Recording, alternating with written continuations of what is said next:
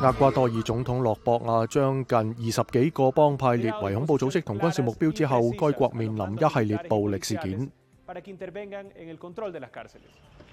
以军星期二晚空袭加沙地带最南端城市拉法以西嘅一栋四层楼房屋，造成最少十四人死亡，至少二十人受伤。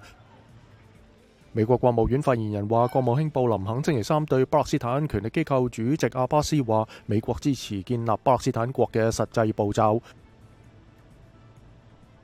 俄罗斯反对派人物纳瓦尔尼星期三透过视讯连线喺阿马尔涅涅茨地区出庭，呢个佢自同二零二三年十二月失踪以嚟嘅首次露面。